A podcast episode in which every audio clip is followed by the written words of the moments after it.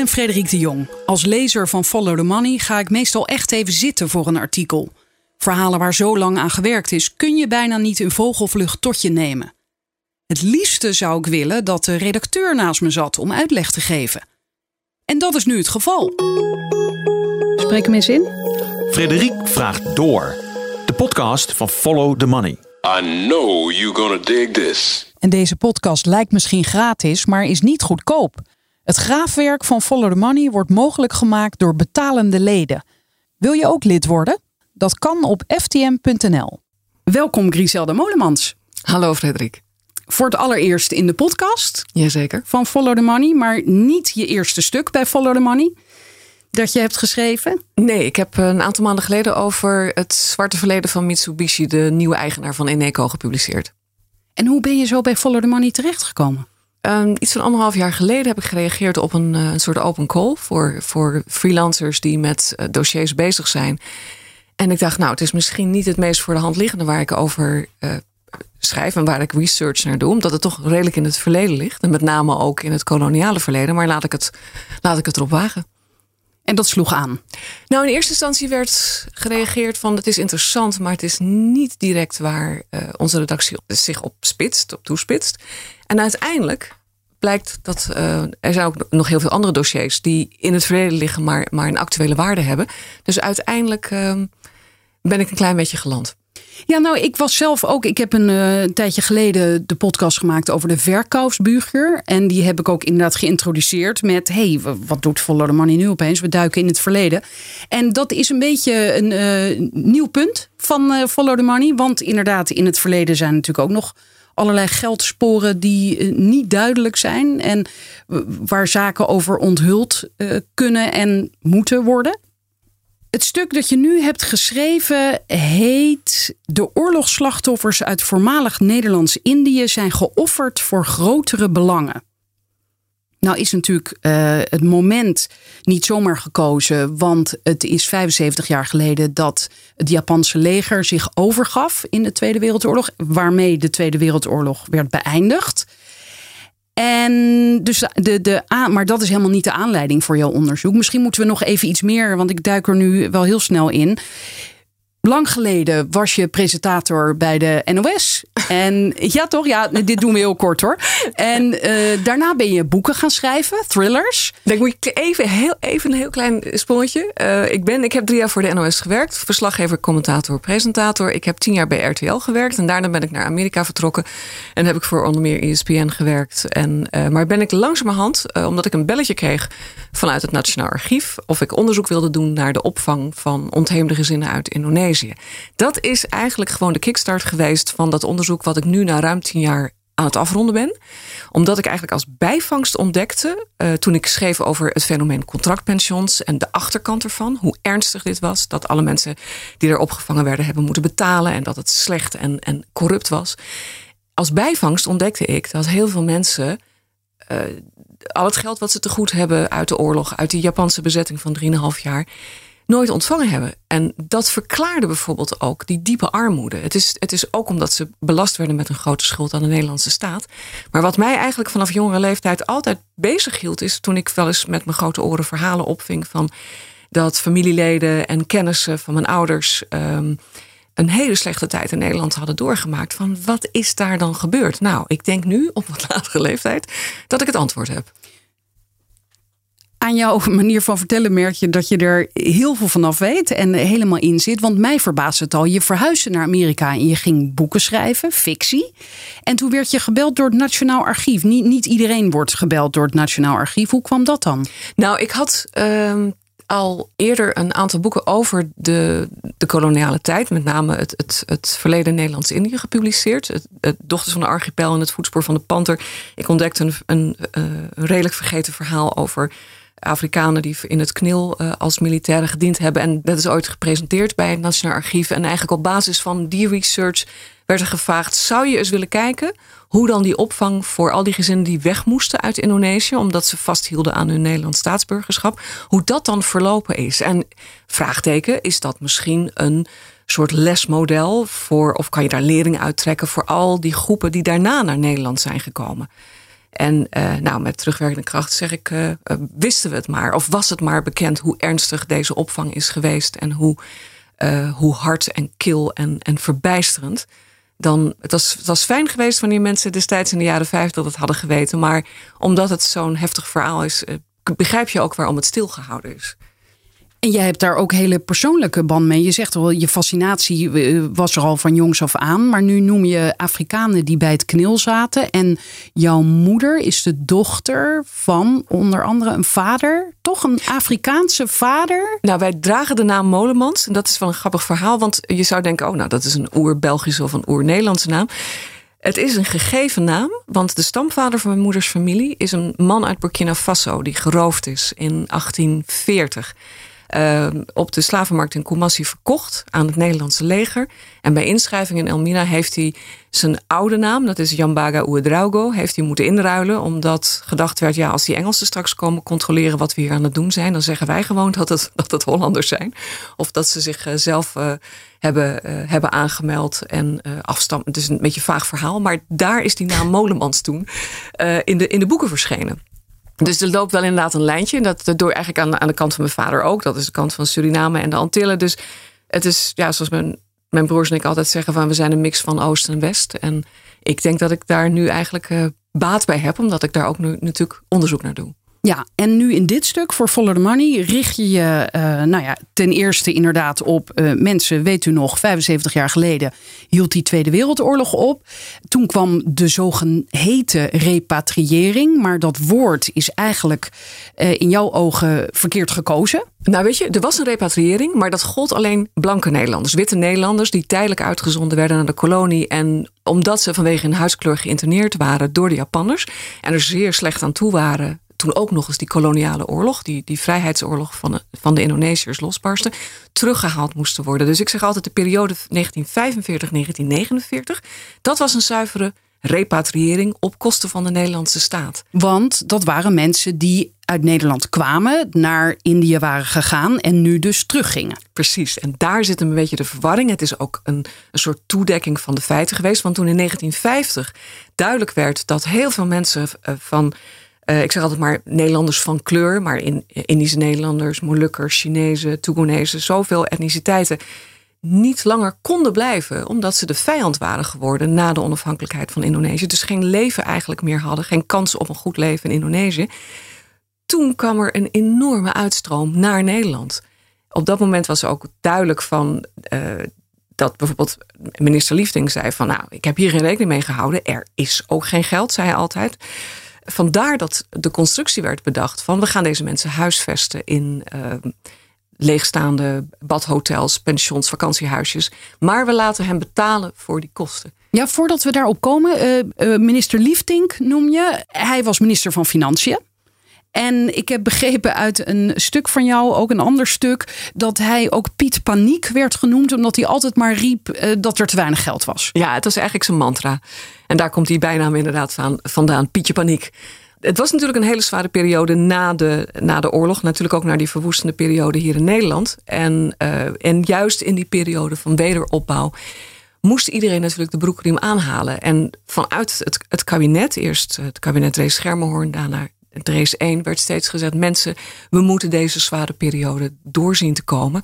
Dus uh, beteugel jezelf en, en leef, leef zuinig. En, en probeer uh, ja, binnen, binnen de mogelijkheden van je middelen te blijven. Maar omdat Liefding steeds daarop aansloeg, kreeg hij die bijnaam al heel snel van Pietje Paniek.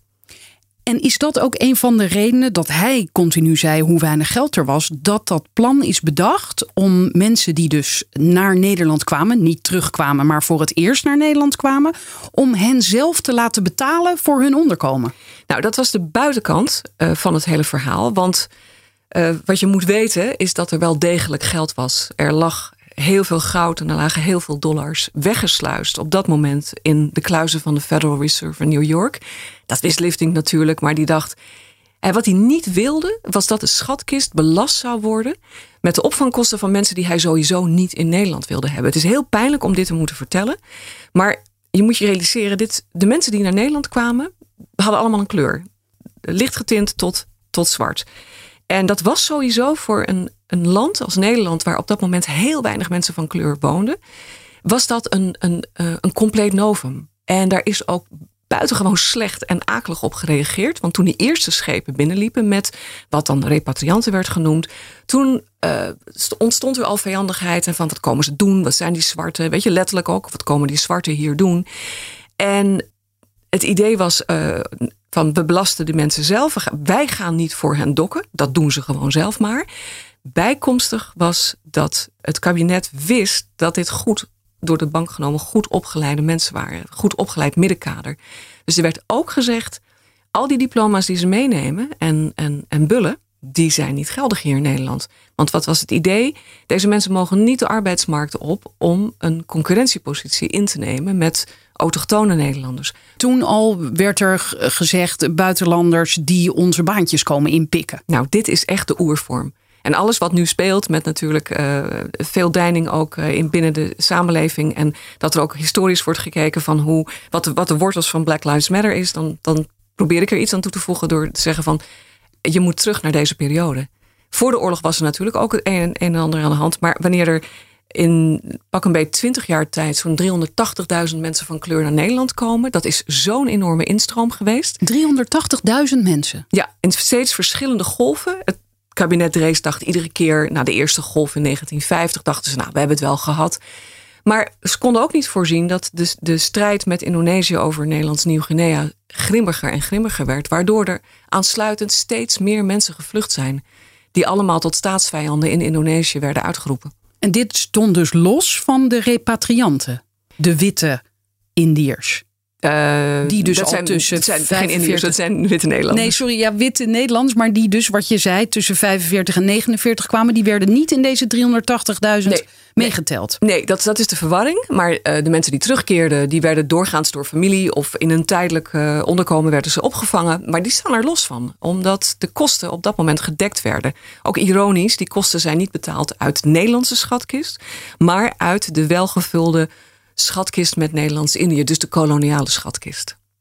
Waar is, uh, wat is daaruit betaald? De eerste opvang, de, op, de, de terugkeer van de witte Nederlanders. Maar Die er werd toch beweerd dat er geen geld meer was omdat Indonesië of Nou, dit is, die, dit is 45, 49. En toen, was toen had je nog de inkomsten uit de kolonie. Oké, want toen was natuurlijk de onafhankelijkheid nog geen feit. Nou, nog niet officieel, inderdaad. Dus die, die, die plantages en alle fabrieken en, en, en productie, dat liep nog door.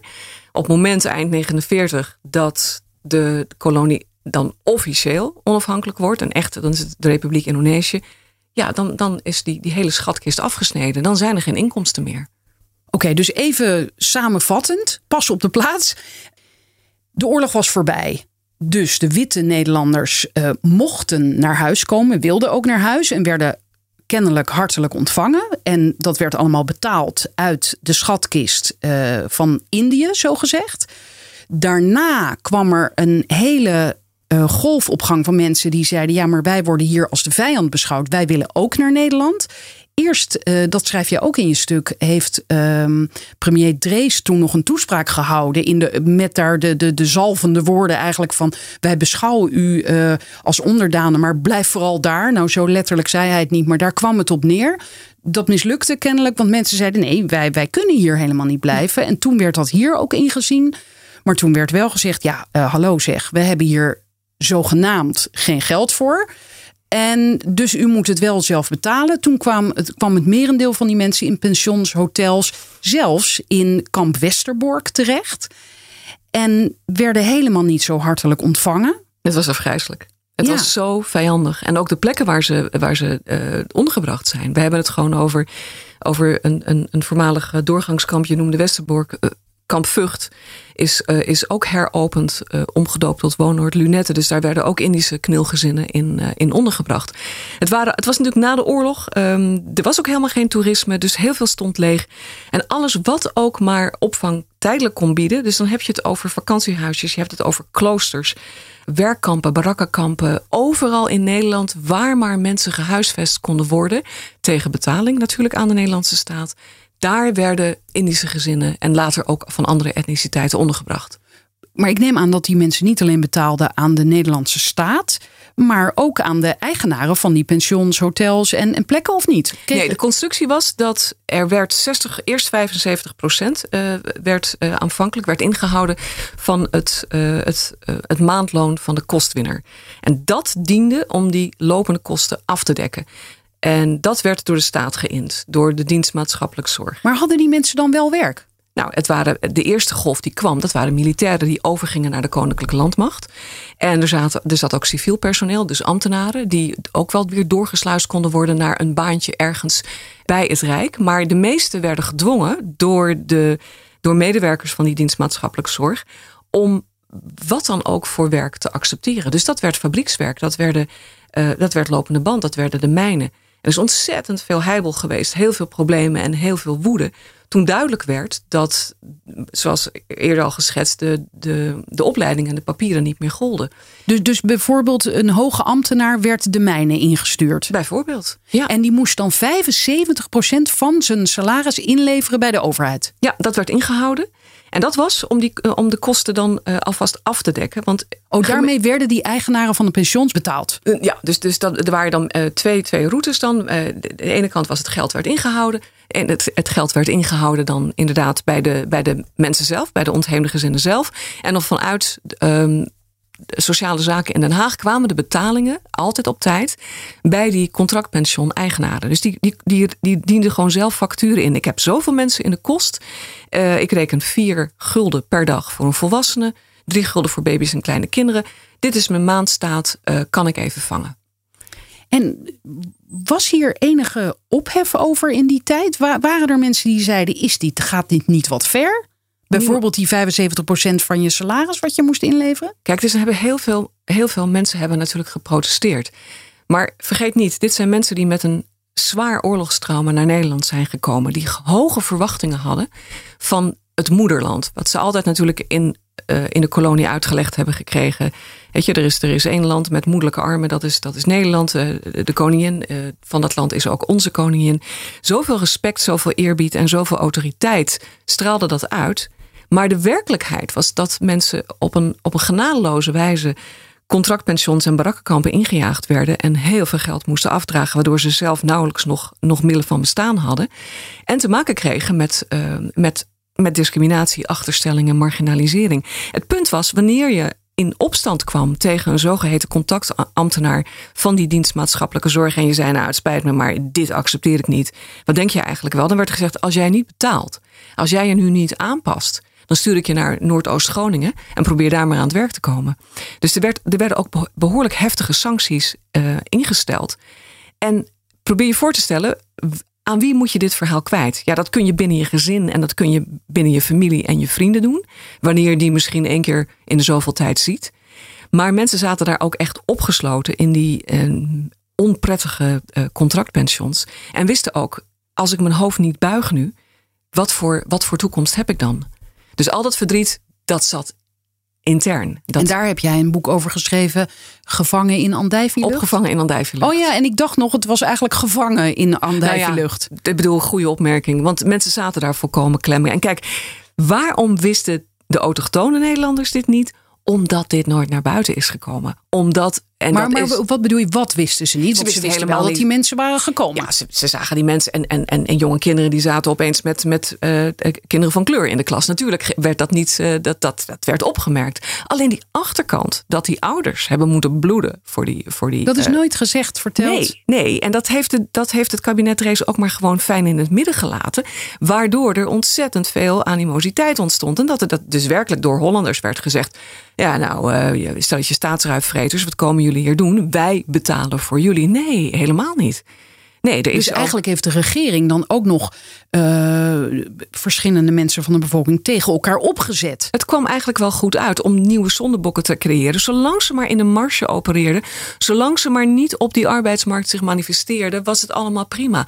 Laten ze maar dat, dat goedkope werk en dat eh, goedkoop en slecht betaalde werk opknappen. En, en eh, voer de druk maar op dat ze zich moeten aanpassen en geen woord Maleis of Javaans meer spreken, maar de perfecte modelburgers moeten worden. Want dat is de ultieme vorm van aanpassing aan eh, de hoge cultuur hier in Nederland. Maar dit is allemaal vanuit economisch perspectief, financieel perspectief. Maar dacht de regering dan bijvoorbeeld niet na, inderdaad, over sociale spanningen die daardoor zouden kunnen ontstaan? Als de Nederlanders, de, de autochtonen dachten dat ze inderdaad allemaal een huis kregen en betaald kregen en alles kregen, wat helemaal niet waar was. Dat was niet waar, inderdaad. Uh, er was wel een heel klein percentage dan uh, bij nieuwbouw bestemd voor, voor de nieuwkomers. Maar ik bedoel, 90% was voor, uh, voor, de, voor de autochtone bevolking. Dat was natuurlijk wel link wat daar gebeurde. Maar tegelijkertijd, door al die sancties en die, die spanningen en die problemen die, die de ontheemde gezinnen zelf ervoeren, kwam, er, kwam er geen weerwoord. Dus er, was agressie en kinderen zijn gepest en, en, en liepen tegen, keihard tegen vooroordelen aan. Meisjes moesten naar de huishoudschool, jongens naar de ambachtschool. Uh, heel veel hebben ze, hebben ze zich moeten laten, uh, uh, laten welgevallen. Eh, dus dus de, het, het, stereotype en, niet kloppende beeld wat er door de jaren heen is ontstaan, is dat de Indische mensen zo fantastisch aangepast en geweldige modelburgers zijn. En iedereen moet daar een voorbeeld aan nemen. Terwijl ik me daar heel erg tegen verzet en denk: vraag het hen zelf eens. En, en, en informeren is hoe lang ze hebben moeten afbetalen. Soms langer dan de geplande tien jaar. Waardoor ze eh, eh, echt in, in, in, in, een, in een hele lange slechte periode verkeerd hebben. Dat uh, bijvoorbeeld dat de ouders zelf niet naar de avondschool konden. En de kinderen ook niet konden doorstuderen. Het is een, het is een heel verraderlijk akelig verhaal. En het feit dat wat ik net vroeg over. Uh, dacht de regering dan niet na over eventuele sociale onrust die daardoor zou kunnen ontstaan op termijn? Eh, bedenk ik nu dat het was natuurlijk ook voor het allereerst in de geschiedenis van Nederland dat dit uh, dat zoiets gebeurde.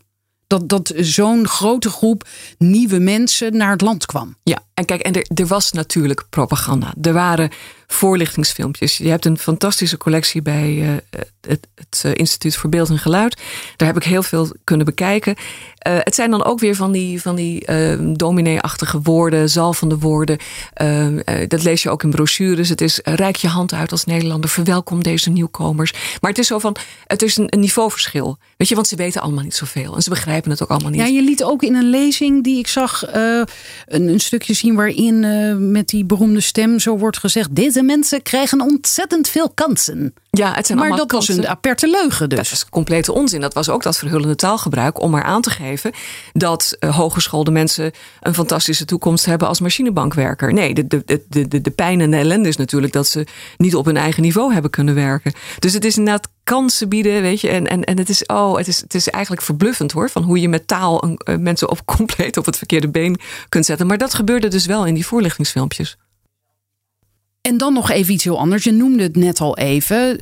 Nou ja, niet iets anders. Weer het geld. Eh, de goudvoorraad. Jij zei net en passant, ja, er was goud en dat was verscheept naar de vet en Amerika. Ho, ho, ho.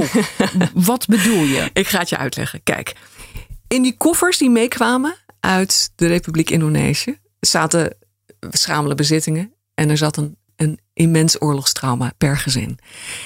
Wat ook meespeelde is dat al deze ontheemden, gewoon verjaagden uit hun geboorteland, nog altijd geld te goed hadden. Salarissen, pensioenen, bankspaarsaldi, verzekeringspolissen. Al die openstaande rekeningen die moesten natuurlijk vereffend worden in Nederland. Nu zijn er militairen geweest die jarenlang geprobeerd hebben om waar ze recht op hebben, hun backpay over 3,5 jaar krijgsgevangenschap uh, tijdens de Japanse bezetting, om dat uitbetaald te krijgen van de Nederlandse overheid. Er zijn allemaal trucjes en hele slinkse methodes verzonnen om maar niet hoeven uit te betalen. Want als je realiseert, of wanneer je je realiseert, dat al die claims, die aanspraken die al deze oorlogsslachtoffers hadden, uitbetaald zouden worden, dan had je waarschijnlijk wel de, de bodem van de schatkist gezien. En dat wist de regering natuurlijk, dat wist het kabinet Rees natuurlijk donders goed. Dat is een van de redenen om zo, zoveel mogelijk mensen er toe uh, te bewegen van blijf in Indonesië, help je eigen land op te bouwen. Want je bent daar geboren, dus wat, wat kom je doen in Nederland? Nou, dat pakte dus anders uit. Op het moment dat er duizenden en op een gegeven moment in de honderdduizenden naar Nederland komen, was die paniek natuurlijk ook groot van wat nou, wat moeten we nu doen? Want er staan nogal wat posten open.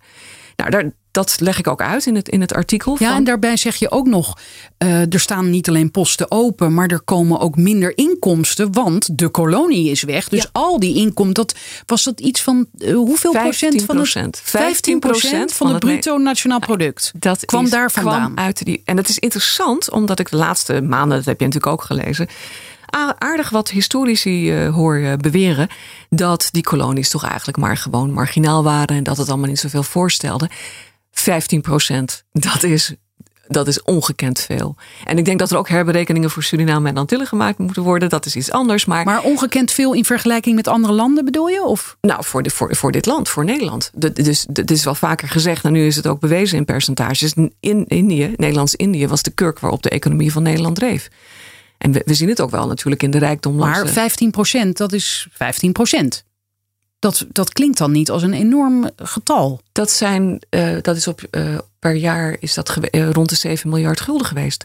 Maar dat is, dat is geld wat, eh, wat op basis van in feite verkapte slavernij verdiend is. Ja. Eh, op rubberplantages, thee, koffie. Daar, is geen, eh, daar zijn geen living wages of, of eh, eh, echte lonen voor betaald. Vergeet niet dat de, de slavernij in Nederlands-Indië pas in 1921 is, eh, is afgesloten. Het is niet eens officieel, want het, het was natuurlijk 1863. Maar het heeft gewoon bijna 50 jaar lang heeft het, heeft het gewoon voortgeduurd. Het was een hele goedkope manier natuurlijk om rijkdom te verwerven. Dus dat speelt ook nog eens mee. Weet je? Want je kijkt natuurlijk naar het bruto nationaal product. En je weet dat je daar natuurlijk de kosten van moet aftrekken. Maar die kosten waren, waren minimaal. Aha. Oké, dus dat eh, was aan de hand. Vandaar dat Liefdink alsmaar riep: eh, We hebben geen geld, we hebben geen geld. Wat op zich op papier ook wel klopte. Er was minder geld. Maar eh, om die reden was er eigenlijk een extra reden, neem ik aan, om de mensen zoveel mogelijk te misleiden. Ja, het is één grote truc en één grote misleidingsmanoeuvre geweest. Want om aan te haken met wat je vroeg over het Indisch goud. Dat is eh, een van de meest spectaculaire vondsten die ik eh, zeven jaar geleden ontdekte. toen ik in het grote Amerikaanse archief, de NARA, aan het werk was. Ik kreeg, had een tip gekregen van een, een stokoude verzekeringsman. eh, die tegen me zei. Wat ik altijd zo wonderlijk heb gevonden, zei hij op een ochtend. dat het goud vanuit Indië verscheept is naar New York. En ik zet mijn kopje, mijn koffie neer. En ik zeg nog een keer, nog een keer. Wat zegt u nu? New York? Wat? Ja, zegt hij, je hoort toch wat ik zeg? Het goud is verscheept naar New York. Vlak voordat de Japanners Indië binnenvielen. En op weg naar huis dacht ik, dat kan maar één ding betekenen. Dat het in consignatie is gegeven bij de Federal Reserve. En dat bleek te kloppen, want ik trok toen ik in, eh, in het archief was meteen een eh, enorme correspondenties naar boven. Waaruit blijkt dat al in de zomer van 1941 de voorbereidingen worden getroffen om, om de, de goudvoorraad van de centrale bank, de Javase bank, over te hevelen naar, ehm, naar de kluizen van de van en de dat ging dan letterlijk met van die broodjes goud op schepen of één schip Schepen, naar vliegtuigen. Vliegtuigen. Ja, ik heb een aantal transporten kunnen achterhalen. En eh, het was natuurlijk ook risicospreiding. En, en eh, dus met, met, een, met een groot aantal transporten is dat in, in gang gezet. En de allerlaatste, de allerlaatste, eh, eh, het allerlaatste per schip was volgens mij 12 januari 1942. En op dat moment waren de legers al het grote eiland Borneo binnengevallen. Dus dat, dat schip moet gemanoeuvreerd hebben om eh, de, de, de Soendastraat uit te komen en, eh, en de oceaan eh, op te gaan. Maar, maar dat was met kantje boord. Maar dat in, in totaal is twee derde van de hele voorraad van de Javase bank naar New York overgebracht. En nu komt het. Na de oorlog is natuurlijk geïnformeerd. Wat is er dan gebeurd? Vanuit de overheid werd gezegd: Nou, sorry, nee, de Jappen hebben alles gejat. Wij hebben het niet. En pas in 2003 is er onderzoek gedaan, omdat er zoveel deining ontstond daarvoor eh, van Joodse tegoeden. Nou, in het kielzocht daarvan werd ook onderzoek gedaan naar de Indische tegoeden. Er kwam een officieel rapport opgesteld door mensen van het NIOD, KITLV. En dat, wat staat daar? Er waren goudtransporten naar eh, Melbourne en naar Durban in Zuid-Afrika. Oh. En dat goud is weer teruggekomen. Oh, dat goud is wel terug. Dat, maar dat was een derde bij elkaar. Dat is wel teruggegaan. En, maar dat is ook verzwegen. nee, nee, nee, dat is Oh. gepubliceerd. Oké. Maar de, de hoeveelheid, de twee derde hoeveelheid, daar heeft niemand het verder over gehad. En die bulk, die lag in New York. En, en hoeveel mensen wisten daar dan van? Ja, de overheid zal het geweten hebben. De Nederlands-Indische regering, de, de top van de Javase bank, die hebben dat allemaal voorbereid. En die hebben uiteindelijk het, het contract getekend om het, eh, om, het, om het goud natuurlijk bij de vet te stallen. En, en even, eh, dit was in die tijd gebruikelijk. Meerdere landen hadden hun goudvoorraad bij de vet staan. Hè? Ik heb inderdaad een, een, een overzicht eh, bij het artikel geplaatst. En daar zie je. Eh, het, het, het, is, het is duizelingwekkend hoeveel goud daar gelegen heeft. En, en hoeveel landen daar gebankierd hebben. China heeft er ook goud gestald. Eh, hetzelfde geldt. Nou, Zwitserland is de koploper, maar dat zal je niet verbazen. Maar het is een immense goudvoorraad geweest. Nou, natuurlijk ook met het idee van ja, het, het, het, grote machtige Amerika blijft eh, tot, tot de aanval op Pearl Harbor heeft natuurlijk iedereen gedacht: Amerika houdt zich afzijdig van deze oorlog. Dus vandaar ook dat in die zomer daarvoor al die, uh, al die beraadslagingen zijn geweest om, uh, om het goud over te hevelen. Maar het pijnlijke is dat dat goud waar we het over hebben, al die broodjes, die vertegenwoordigen voor een deel de ingelegde bank- en spaarsaldi van oorlogsslachtoffers. Ja. En diezelfde mensen kregen nadat de oorlog afgelopen was te horen bij het loket van hun bank. Het is er niet. Al Sorry. uw geld is weg. Nee, Ja. ja. je zult moeten wachten. Het is er niet. Uh, ja, we moeten kijken van, ja, want de Japanners hebben het meegenomen. Dus ik heb ook uiteindelijk gewoon um, uh, oproepen geplaatst. Heel veel gedupeerden gesproken die ook zeiden van, ja, we stonden met lege handen. Dat verklaart dus ook waarom zoveel mensen berooid naar Nederland moesten komen. Dat ze met, met van hun laatste bij elkaar geschaapte centen nog de overtocht hebben kunnen betalen. En natuurlijk ook geframed zijn als uh, ja, sloebers, losers. Weet je, terwijl... En wanneer ontdekte jij dit nou nog recent? 2013. Ik, was, ik, was toen, ik ben toen op stel en sprong naar, uh, naar dat kleine plaatsje College Park net buiten Washington gegaan. Omdat ik dacht, ik moet weten of dit klopt. En, zo, en inderdaad hoor, het, het complete pakket aan, aan correspondentie en, en contracten met de Javaanse bank ligt daar gewoon. En heb je toen uh, navraag gedaan bij uh, ministeries? Of, of... Oh, het was, het was razend interessant. Ik kreeg toen het, het, het, het, het basis bewijs heb ik gepubliceerd in de epiloog van Opgevangen in Landijvenlucht. Nou, nog voordat het boek verscheen, werd ik al door een vrij hysterische medewerker van het NIOD gebeld dat er meteen een boek bezorgd moest worden. Uh, omdat zij dit uh, wilde weten. Dat ik zei, nou, je wacht maar tot het boek uitkomt. Uh, ik, ik, neem geen orders aan. En um, in heel veel, heel veel deining natuurlijk. Maar ik had al bij mezelf besloten van die epiloog is een boek op zich. Ik was zo stom verbaasd wat ik had ontdekt over al die, die geldsporen. Dat ik dacht, ja, uh, wacht even, ik doe het gewoon. Ik moet het nu beperken, anders wordt het boek 700 pagina's. Dus ik ga er wel op door. Maar het, het boek was nog niet uit. Of daar kwam de, de, de backlash, weet je. Meteen woedende reacties. Ze is gek, ze is gestoord. Waar heeft ze het over? Wat een prutser. Nou, ik denk, kom maar door, kom maar door. Ik... Uh, het doet me allemaal niet zoveel, want ik weet wat ik gevonden heb en ik heb die kopieën. En, en, en, en ik zal het gewoon stukje bij beetje zal ik naar, naar buiten brengen. Eh, mij maak je niet gek. Maar zo fel werd er gereageerd. Toen heb ik op een gegeven moment ook contact opgenomen met het Verbond voor Verzekeraars. Want wat staat er in de papieren bij, uh, in het, in het VET-archief? Uh, in ontvangst zijn tevens genomen microfilms. wat is het? Eastman Kodak microfilms. Plus zes dozen administratie van de Javaanse bank. Maar die microfilms, daar sloeg ik op aan. Omdat ik ook uh, van een heleboel gedupeerden begrepen had... dat hun polissen op microfilm werden gezet. Dat was bij de Nilmei, dat is, dat is Egon tegenwoordig. Dat is de rechtsopvolger. En bij het Verbond voor Verzekeraars, dat was klassiek wat toen gebeurde. Die reactie was als volgt. Uh, ik lees hier het rapport uitgebracht door het NIOD en het KITLV. Ik zie niets vermeld staan over een goudvlucht, dus het is niet gebeurd. En van die microfilms weet ik al helemaal niet. Toen dacht ik ook, nou, fantastisch, je bent, je bent gedekt door een rapport wat gecensureerd is. We gaan gewoon rustig En wat verder. van eerder was, dat rapport? Dat Van eerder dan jouw ja, ontdekking? Ja, ja. Dus logisch dat het daar nog niet in stond. Of Nee. tenminste logisch, jij als je- hebt het maar- ontdekt. Ja, maar als jij weet dat diezelfde onderzoekers die dat rapport opgesteld hebben... in hetzelfde archief op exact dezelfde plek als ik gewerkt heb... Oh. Dan, dan heb je of je werk niet goed gedaan... of er is iets anders aan de hand. Namelijk Dat de boel verzwegen is. door onderzoekers van het NIOD. Het zijn, staats, het zijn staatsinstellingen. Alles wat er gepubliceerd wordt, wordt eerst gecontroleerd op ministeries. Er wordt geen woord wordt naar buiten gebracht zonder dat het allemaal gecheckt is. Het mag de staat niet schaden. Nou, niet denken dat ik een of andere complottheorie gekkie ben, maar um, ik heb ook een groot conflict met het Nationaal Archief gehad. Want dat boek, Opgevangen in Andijvenlucht, heb ik uiteindelijk zelf uitgegeven. Ik ben een kleine uitgeverij gestart, omdat ik dacht, bekijk het maar. Als ik die epiloog niet mag, uh, mag publiceren van jullie. Want er werd letterlijk gezegd... Oh, maar daarom, want nu snap ik het, dat die vrouw belde, die hysterische vrouw, uh, zoals je haar noemt, van ik wil dat boek nu zien, want Ja. ze wilde die epiloog niet erin hebben. Nee, want uh, dit was van, van het, weet je, de, de, het waren meerdere instellingen die op dat boek joegen en zeiden van we moeten het nu lezen.